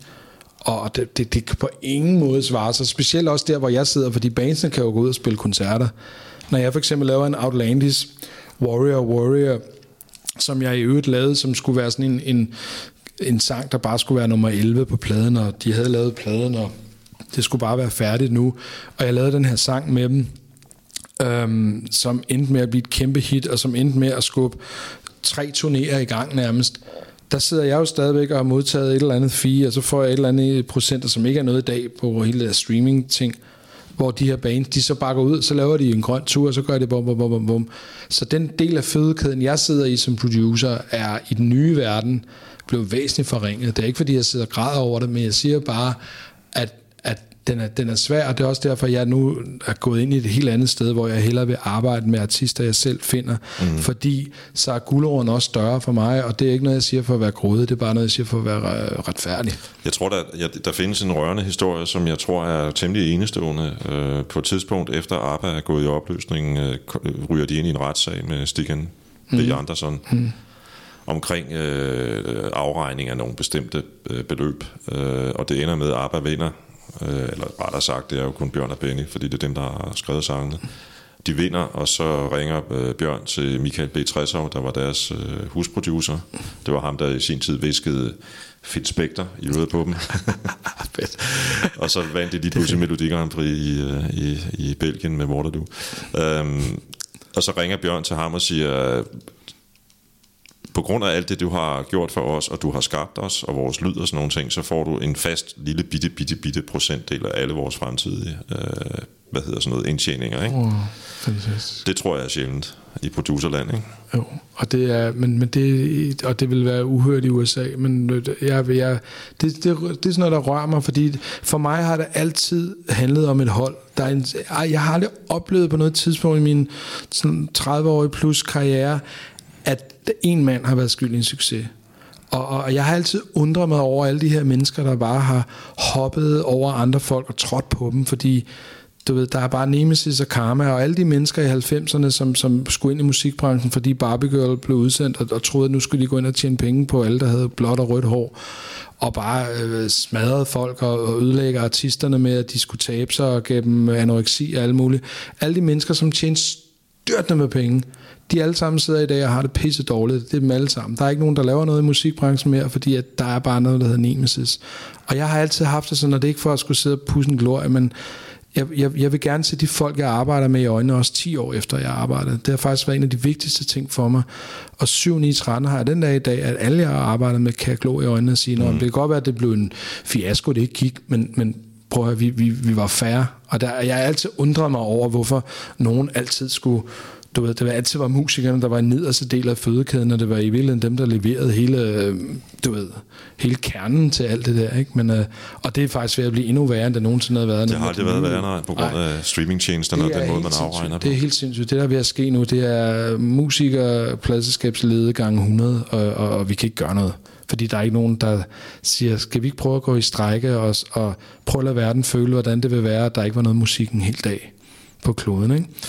Det kunne være lige, interessant. Ja, vi skal lige snakke om en sanger, og jeres mm. samarbejde. En sanger, som står øh, meget, øh, mit hjerte meget nær. Øh, jeg vil må skynde mig at sige, at det er bestemt ikke alt den musik, han lavede, der kom til at retfærdiggøre hans stemme.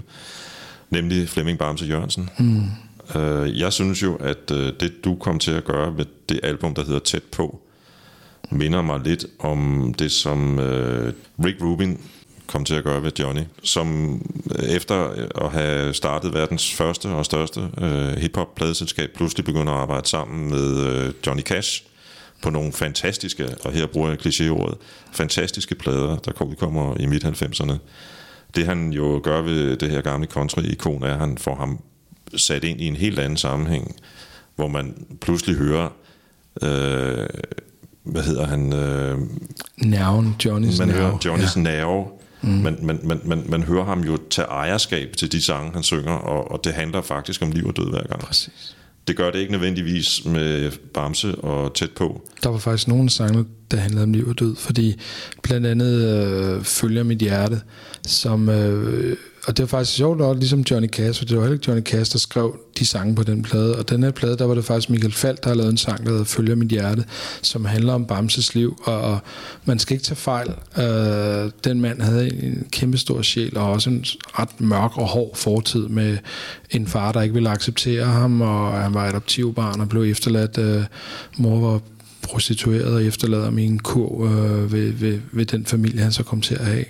Og har altid fået at vide, at han var udenfor, og han var stor og alle de her ting.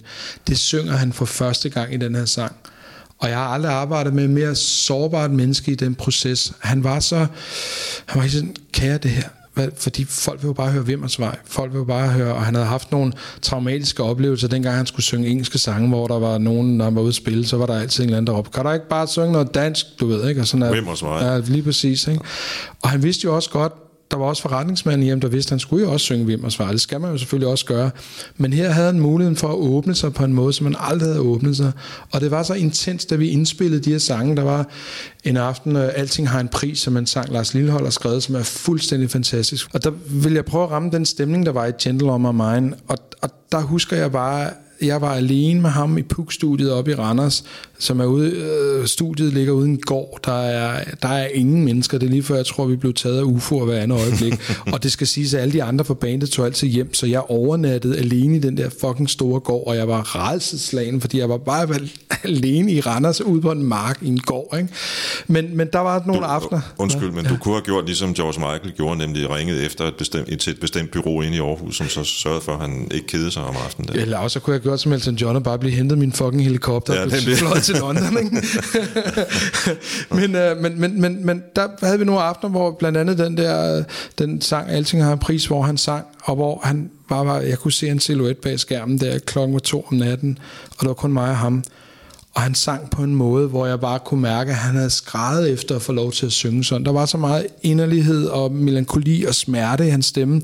Og jeg kan bare huske, at jeg trykkede bare på talkbacken til ham og sige, prøv at Flemming, du skal vide, det er lige præcis derfor, at jeg blev producer, og det er derfor, jeg elsker musik, fordi det her, det er der ikke nogen, altså der er jeg den eneste mand i verden, der sidder og oplever det her, og det var jo virkelig store oplevelser, og desværre mistede vi ham, og det var, vi skulle faktisk have været over og lavet sådan en, en country cover plade, det ville jeg elske at komme over til Nashville, og, og, og der var hele aftalen, vi havde begge to flyskræk, så vi skulle sidde ved siden af hinanden og holde den i hånden, og jeg lige tænkte, der var, og han ringede til hans pladselskabsmand Joff, som har kendt ham i mange år, og Joff ringede til mig det er så vildt, hvad der sker med Bamse. Han, når han har været i studiet med den her plade, så ringer han og, og nærmest græder af lykke. Han er så glad, og han er helt op at køre. Normalt, når han ellers lavede en plade, så er det sådan, øh, er det nu fedt nok det her, og sådan noget der. Han var, han var sådan en helt anden, og han var faktisk meget, meget nervøs omkring den her plade, fordi den åbnede sig. Og så sker der jo selvfølgelig det, du elsker pladen, og du skal anmelde den, men du er på ferie. Mm. Men så er der en Thomas Treve, der går ind som sædvanligt og slagter den. Jeg vil dog sige, retfærdigvis slagter han noget af den, fordi de sidste par, par, par sange på albummet er alt for rushe. De skulle slet ikke have været på. Jeg havde bedt pladselskabet om, om vi ikke kunne forlænge det, hvorfor det skulle være ud til juletid, om vi ikke kunne vente et halvt år, fordi de første fem numre på den plade er fuldstændig magiske, og hvis jeg kunne lave pladen resten sådan der, så havde det været et mesterværk, der havde fået seks stjerner alle steder. Men fordi den skulle ud til julehandlen, så rushede vi de sidste numre, blandt andet nummer Kim Larsen skrev, som slet ikke var godt nok. Og han blev knust, han blev knust, og han fik fire stjerner, men han blev knust over den anmeldelse, og fordi at nu har han endelig været modig og taget det spring, så nu kunne han jo lige så godt bare gå tilbage til Vimmers vej. For- Og, og det, det er sådan nogle ting, der gør ondt i mig, fordi når jeg så hører fra dig, der lige så godt sikkert måske havde givet den meget mere, og skrevet den var pissefed for, hvad den var, fordi det var modigt af ham. Mm. Han blev ikke belønnet for det mod. Og det er sådan nogle ting, som jeg den dag i dag bare kan sige, fuck altså. Det er næsten, øh, næsten sådan en Dirk Passer mus og mænd historie. Ja. Øhm, Præcis og nu lægger jeg der nogle ord i munden, og det må man ellers normalt ikke som journalist, men det må være en af dine karrieres øh, mere triste oplevelser, ikke at komme afsted til USA med Bamse og lave det album, du snakker om der. Jamen også fordi, at jeg kom ind under huden, og, og, og nærmest... Altså, der, det skal lige siges, at jeg kunne aldrig nogensinde finde på at tage æren, fordi der var så mange andre, han har arbejdet med. Der er også ham fra Puk-studiet og sådan noget. Men jeg, jeg havde bare et, øh, vi, vi, vi havde bare et eller andet sammen. Og, og jeg kan huske, øh, da jeg fik at vide den dag, han døde, øhm, det var simpelthen en af de mærkeligste oplevelser, jeg prøvede. Jeg sad... øh, jeg blev altså selvfølgelig pisseked af det, og så satte jeg mig ind ved min computer, og så fandt jeg nogle af de gamle billeder, jeg havde, eller ikke gamle, men de billeder, jeg havde taget et halvt år for inde i studiet, hvor vi lavede, og så lavede jeg sådan en, åh, den er inde på YouTube, øh, under Alting er en pris med Bamse, der har jeg klippet, det er en råversion, øh, faktisk det mix, jeg allerbedst kan lide, og så lagde jeg nogle billeder ind for den session, fordi jeg havde brug for at lave et eller andet, jeg havde brug for at få det ud, og da jeg så afspillede det, så væltede tårne ned, men det der var så sindssygt, der stod simpelthen en lysestage ved siden af mig, og den begyndte at vibrere fuldstændig sindssygt. Og der var ikke nogen vaskemaskine, der var ikke noget jordskæld, der var ingenting. Den vibrerede bare fuldstændig hissigt.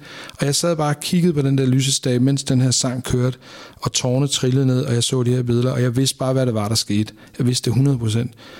Så jeg stillede ikke engang spørgsmål ved det, og den stoppede så bare med at rotere, da sangen var færdig, og der vidste jeg, at jeg var vidne til et eller andet, som Alting har sin pris.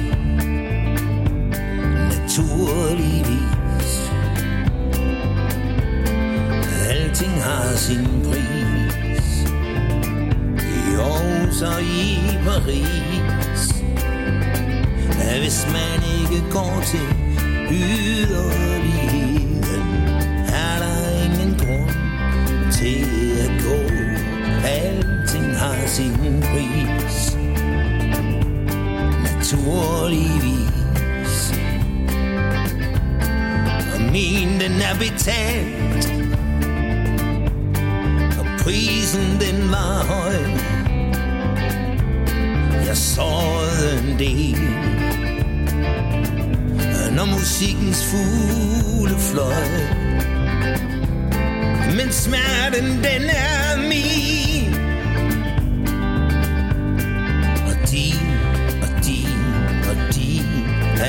Alting har sin pris. Naturligvis Ja, jeg så noget ingen så. Jeg kom steder ingen kom. Jeg var svær nok at forstå. Jeg vendte aldrig om. Jeg betalte, jeg blev rig. Prisen en værdi Alting har sin pris Naturligvis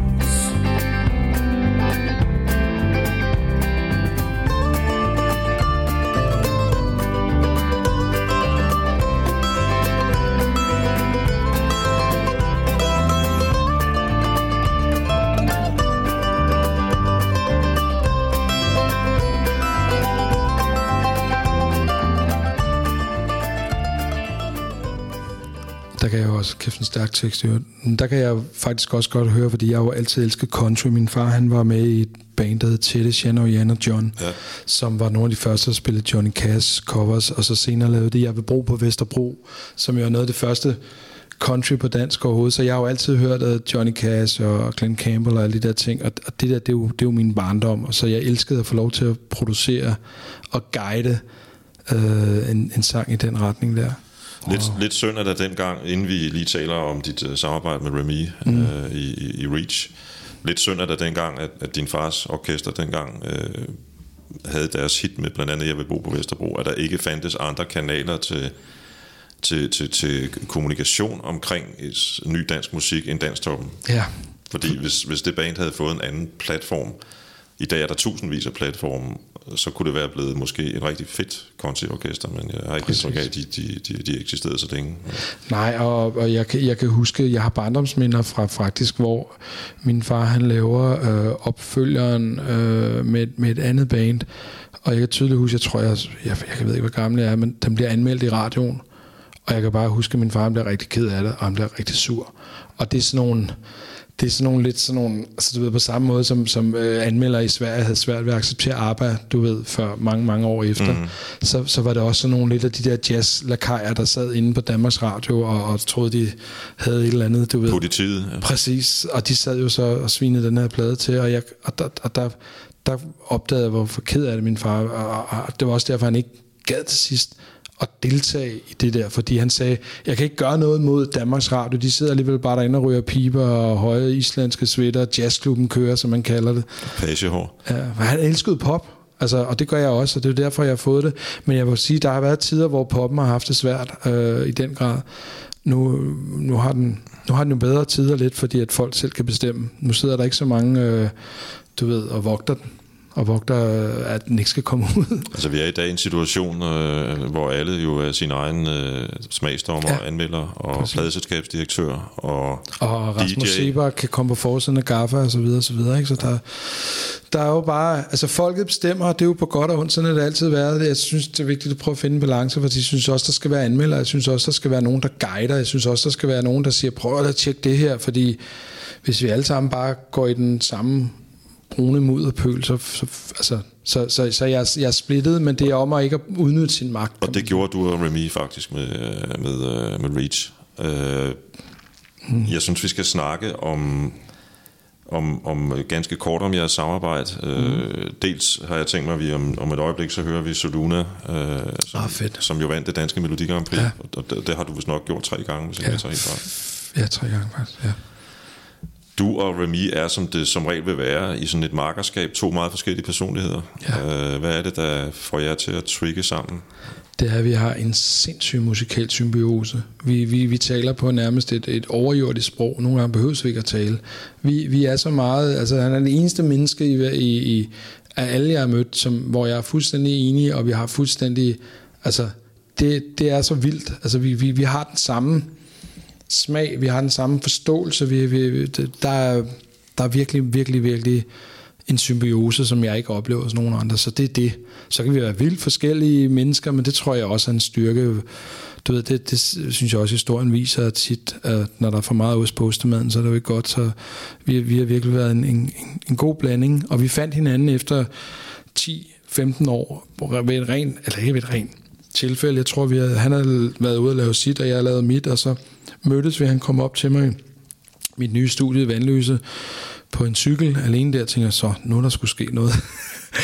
det var selvfølgelig en bambuscykel, som var helt vildt trendy og indieagtig, men, men det var ikke desto mindre en cykel. Og han kom op, og, og han var bare, øh, synes mit studie var mega fedt, og så, havde, så spillede jeg nogle tracks for ham, og så og også det, vores samarbejde er meget, du ved, så går han rundt lidt, og så går han ind og synger en linje, og så siger hey, det er fedt, og så lige pludselig havde vi lavet fem numre eller sådan noget på, på to timer eller sådan noget. Vi har ikke set hinanden i 10-12 år. Og en af dem var så den her, som senere skulle blive den sang, som Soluna øh, vandt det danske Melodi Grand Prix. Should I Know Better.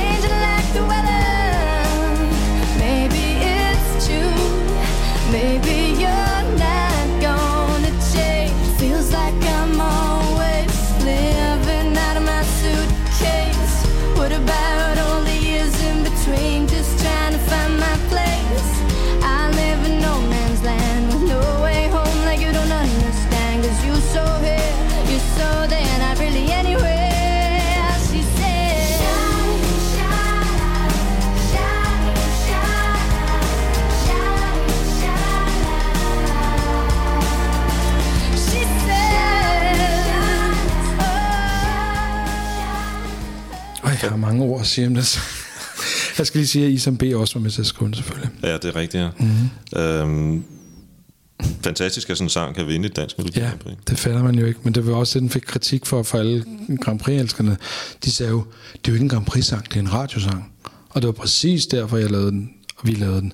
Det var, at vi ville godt lave en sang, som ikke kun eksisterede i det der lille kitschy univers, som hed Grand Prix, og som alle elsker at have, og så om mandagen, så er det fuldstændig lige meget. Og vi formåede faktisk, og jeg tror, det er en af de få øh, Grand Prix-sange, der nogensinde er blevet spillet på P3, og blev faktisk rigtig stort radiohit, og lå nummer et på iTunes i 14 dage og sådan noget. Så det var, det var et stort hit, men det var altså ikke noget, der, der faldt i god jord hos alle øh, Grand Prix-fansene. Um, Jamen, så er vi også tilbage ved det der fra før med, at alle i dag er jo sin egen øh, kommentator og mm. anmelder osv. Og, mm. og det er jo selvfølgelig også noget, man som musiker skal forholde sig til. Det er noget helt andet. I satte også øh, Liga i søen, som mm. også gik hen og øh, mod, jeg havde nær sagt, alle odds fik et, kæmpe hit. mm. Øhm, fik, fik tre store hits. Um, Julia skylder der ikke noget mere, var den sidste, den første gang. ja. Um, det var, det var, det var banen sat sammen. Det var, øh, jeg, jeg har altid sådan nogle, når jeg har set folk, så gemmer jeg dem op i mit hoved, så lærer jeg dem. Og i han tromslæren, jeg vidste bare, at hun ville blive en kæmpe signifikant personlighed, fordi at allerede jeg, mød, jeg producerede et færøsk punkband, der hed øh, punkrockband, der hed The Dreams, øh, som også var med i Melodi Grand Prix, og øh, der var en af fansene, det var en lille pige, der ja, hun har været 13 år på det tidspunkt, hun sad nede i en kælder og spillede trommer og havde rødt hår, og hun, hun, hun kunne slet ikke finde ud af at spille, men hun havde bare et kæmpe mod, at sige bare, hende her, hende skal jeg, hende skal jeg, hende skal jeg gemme. Og så Nicky, den ene sanger, ham havde sendt demoer ind, og så havde jeg en anden hiphop, mm, der hed Faraz, som havde sendt nogle demoer. Jeg vidste bare, hver især kunne de ikke, var de ikke stærke nok. Så jeg lod dem møde i han, og lige pludselig, bum, havde vi bare og brugt to år på at, at, at, at skabe deres musik og, og lært dem alt. Øh, du ved nærmest lige, hvad de skulle sige på scenen, og hvordan det skulle være. Og, og så senere søsat den, og så var de helt klar, og nu står de for sig selv. Øh, brugt rigtig, rigtig meget tid på det, og skrev, skylder der ikke noget mere, så havde vi bare et kæmpe hit. ja. Øhm, Det var sgu... Nu snakkede vi lige om, om, øh, om Bamse, mm-hmm. og, og alting har en pris. Mm-hmm. Og øh, historien om Liga er jo også, at de så vælger at arbejde sammen med nogle andre øh, Ja. på et tidspunkt. Øh, er, er det sådan, at, fordi som du har været inde på tidligere, det er, det er jo et eller andet sted et eksistensvilkår i den branche, du er i, og de, de fleste andre kreative mennesker, at øh, nogle gange går det op, og nogle gange går det ned. Øh, er, er, det, er det sådan, man må sidde tilbage og bare sige, sådan er det bare? Altså en ting, jeg har lært af den her branche, og en ting, jeg var rigtig dårlig til i starten, det var, at, at jeg, øh, jeg blev altid utrolig ked af det og såret, når, når, øh, når folk var illoyale. Øh, og da jeg arbejdede sammen med mange unge, så har jeg stødt meget på det, fordi der er mange af de her unge, som, som når de får en succes, så, så enten via dem selv eller via deres omgivelser, får de meget bildt ind, at det er jo, det er jo dig, der er den. Du er den 100%. Og de glemmer bare det der med, at jamen, det kan godt være, at Messi er verdens bedste fodboldspiller, men han har ikke været der mod, hvis han ikke har haft den her midtbanespiller, eller målmand, eller et eller andet, massøren, eller et eller andet. Og det er klassikeren, og den har jeg oplevet rigtig mange gange. Jeg har haft bands, som har, jeg har produceret en plade, som solgte, du ved, 150.000, og så fordi de sad ude i, i, i turbussen, så var der jo altid et crew og nogle musikere, som de havde fået med, som sagde, ej, skal vi, skal vi ikke hjælpe med på næste plade, og I behøver ikke at arbejde med Chief, for, for alle folk siger jo, at det er Chief, der laver det hele. Og så næste plade laver de selv, og så er det jo ikke noget nødvendigvis, fordi jeg er med, men så sker der bare noget, du bryder kemien, og den kemi, du skaber en succes på, når du bryder den, så uanset om det er så bare vandbæren, eller hvad fanden det nu er, du tager væk, så sker der et eller andet. Og alle de gange, hvor jeg oplevede det, har næste plade 2 altid bare floppet. Og jeg har set det, jeg kan nævne flere eksempler på, hvor jeg gennem det. Lige med Liga synes jeg, det var hårdt, fordi på det tidspunkt var jeg indgangen i min depression, så det var bare et slag ovenpå, at de lige pludselig stod og sagde, at de ville godt fortsætte uden os, uh, Reach og fortsætte.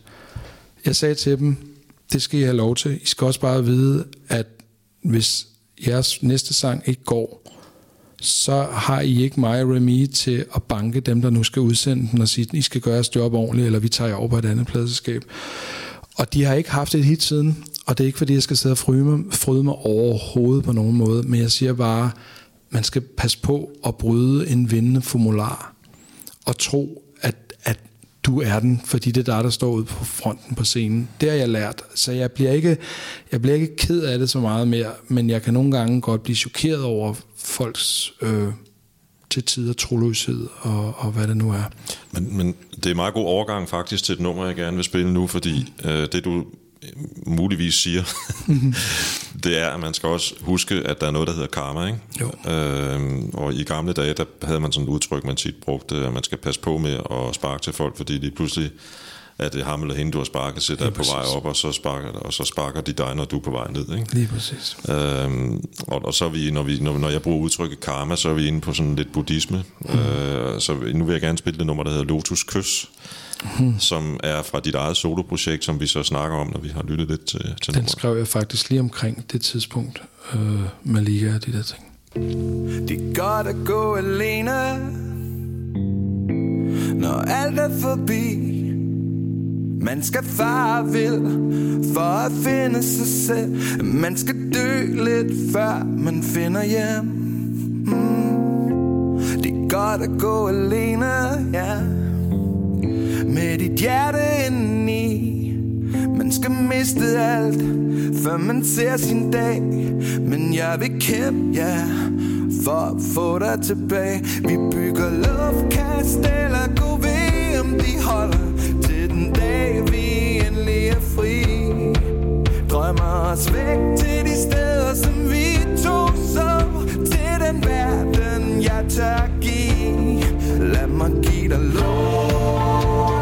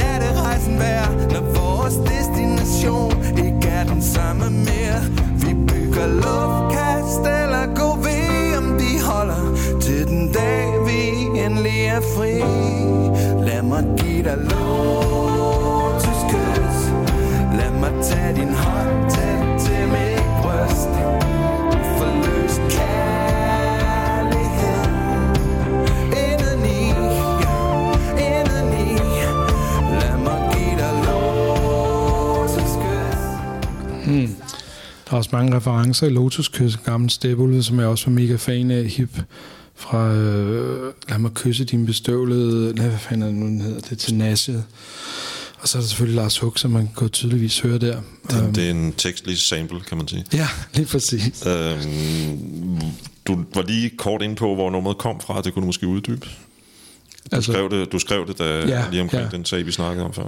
Altså det skal jo så også siges lige til den her ting omkring øh, med, altså der er også noget med, at der er også nogle ting, de unge artister skal igennem. Øh, så det er også en naturlig ting, at nogle gange, når de står, og, og, og der står folk og visker dem ind i øret, og de skal ud og prøve de ting, for man skal ud, hvor man ikke kan bunde for, for at komme tilbage. Så det skal heller ikke lyde som en eller anden indebrændt svagte, fordi jeg ved også godt, det er sådan en naturlig reaktion.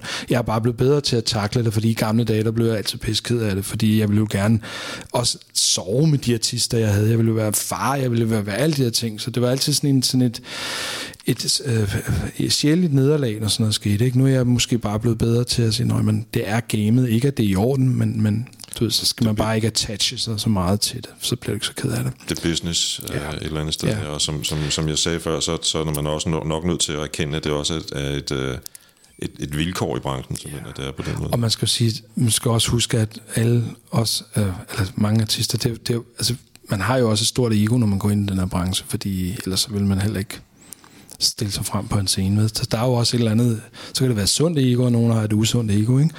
Men, men øh, den her sang, den, den, den, den kom øh, i, i, i, i forbindelse med, at jeg ramte det, som mange folk kender som muren, som jeg egentlig aldrig havde regnet med, at jeg skulle ramme. Jeg kan huske, at jeg snakkede med en booker for PDH sådan et par måneder før det skete, og han, han, han fordi han selv havde prøvet, han sagde, kan godt se, hvad der er sket. Du skal lige passe lidt på. Det, der, fordi på det tidspunkt kørte vi med Reach, og der var bare, vi havde, vi havde 11 artister, jeg skulle tage mig af, fordi at, du ved, det, det var mig, der havde den. Det var mig, der stod, stod, stod for det, ikke? Lige præcis. mange bold i luften der. Ja. Præcis.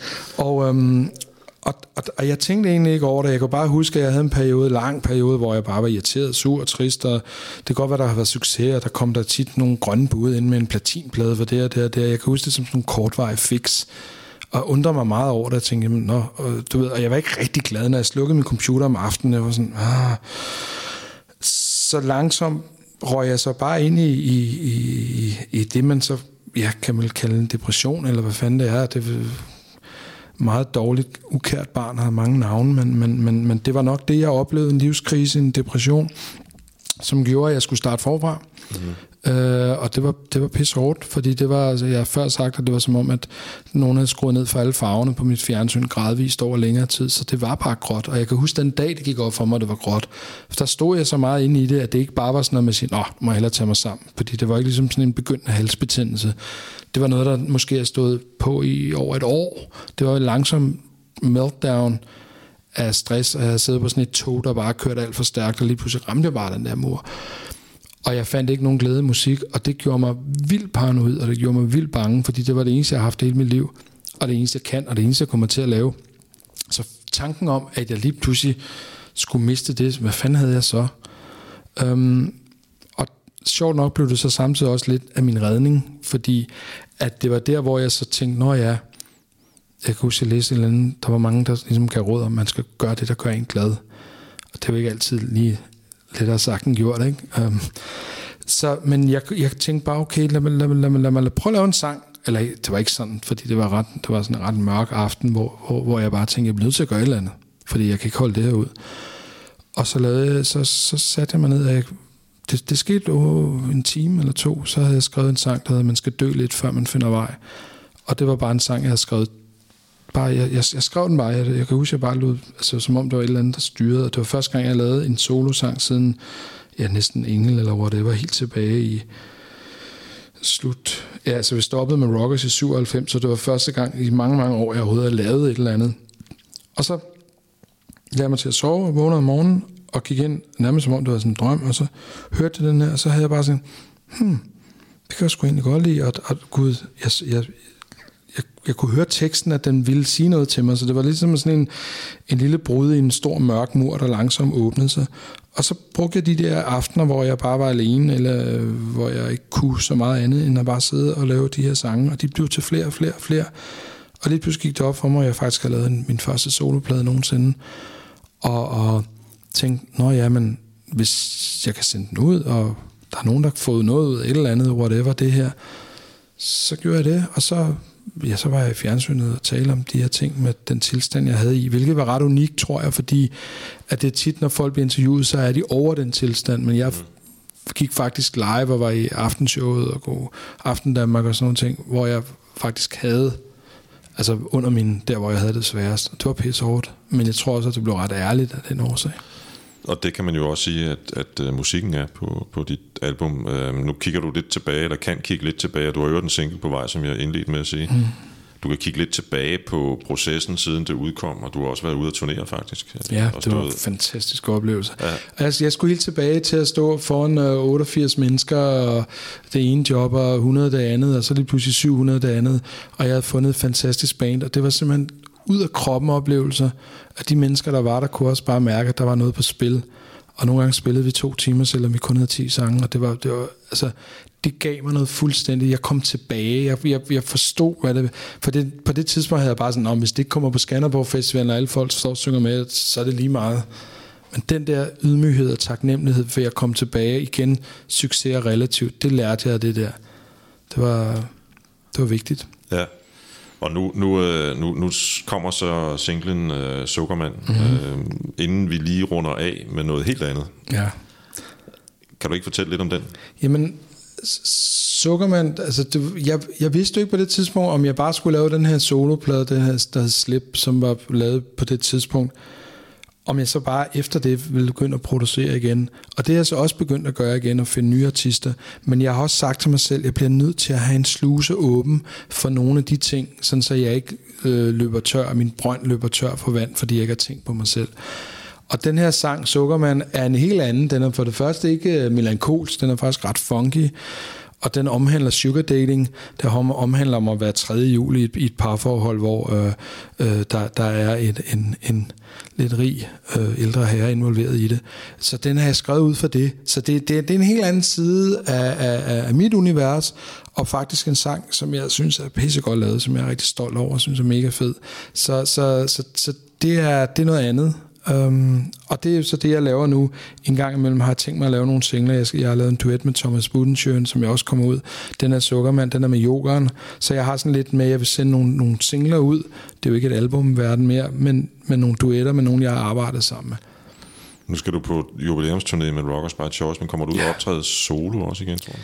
Det ved jeg ikke. Uh, hvis det går godt, og der er efterspørgsel, fordi det er også hårdt at stable et, et helt band op og skulle give dem tariffen og, og, og du ved, det, det er også, altså det, det, du ved, jeg bliver 49 nu, ikke? Altså det, det, det, det, det, det jeg kunne gøre, da jeg var 30 og 22, det, der lavede jeg jo sådan noget, som var, det var det nemmeste for mig, men jeg kan også mærke, at jeg, du ved, jeg, jeg, jeg skal også vælge mine kampe, eller min sejr, eller hvad fanden man vil definere det. Du har lavet, øh, jeg tror det er tre numre på Dinesens nye ja. album, og, og, Ja. og, og du var ind over også på, på Johnny Massens. Mhm. Mm. Er der lignende ting undervejs? Mm. Det er der. Nej, det, det tror jeg desværre ikke, og det er fordi den verden, vi er i nu, det, der er noget, der er blevet ka- kategoriseret voksenmusik. Det er øh, de store pladskaber er ikke så interesseret i at sælge mere eller lave mere, fordi de tjener ikke nogen penge på det. Og det er faktisk desværre sådan nogle plader, der koster penge at lave. Fordi du skal booke studier, du sidder ikke bare derhjemme foran din computer med et musikprogram. Du skal have rigtige mennesker, de skal have penge og alle de ting. Og det er jeg rigtig ked af, fordi jeg savner faktisk at lave de plader, de er de, er de fedeste. Jeg vil runde af med et nummer, som jeg kan ikke øh, lave en podcast med Lars Chief One Pedersen, uden at uh, spille et nummer med Beach Boys. Ja, for helvede. Um, og, og det jeg har valgt at God Only Knows. Hold kæft, det er også verdens bedste sang, så det, det kunne ikke være bedre måde at slutte på. Den her sang, den er, altså, jeg kan kun høre den et par gange om året, fordi den, den, er, den er så stærk. Også når man kender historien bag, og hele historien Love and Mercy film med Brian Wilson. Den her sang, det er, det, det er for mig fuldstændig musikkens nirvana. Det, det fås ikke bedre. Mm. Bono har udtalt en gang, at øh, han er ikke færdiguddannet, før han engang har skrevet en sang som den. Øh, og der, han kommer nok til desværre at gå i graven ud Præcis. Og, og, og, og få den sidste eksamen, ikke? Men Jamen, har så jeg- også gjort det meget godt. Men, Jeg er en uh, lillefinger uh, negl i, i, uh, i Brian Wilsons uh, univers. og det, der er så fantastisk ved det her, det er, at øh, det er A-siden på en single. Gud, Gud hjælpe mig om ikke B-siden er Wouldn't It Be Nice. Altså, som også er en af de største popsange for helvede. Nej, det, det er så vildt, og det hele er så uskyldigt, fordi der blev ikke holdt møder omkring, uh, skal vi ramme den og den målgruppe. Altså, de, sad, de kunne lige før ikke engang, de kunne udsende God Only Knows, fordi de brugte ordet Gud. Det var første gang i en popsang, det ord. Prøv, prøv, prøv at tænke den uskyldige tid, vi lever i. Ikke? Og de store bad, før de skulle synge den her sang om, at, at budskabet skulle ramme folk. Jamen, det, det, puha. Og det mellemstykker, der kommer... Der er, jeg tror, det er i andet vers øh, efter C-stykket, der kommer sådan nogle fløjter, og hver gang jeg hører det, så får jeg, det er ikke sikkert, at vi når det her, men til den, der skulle høre det igen, der kommer nogle fløjter under verset til, til, til sidste vers. Det, jeg, ved, jeg ved ikke, hvad det er, men der, for mig, det er som at høre guder og engle, der synger. det er den, den helt rigtige node at slutte af på, og jo, vi spiller hele nummeret.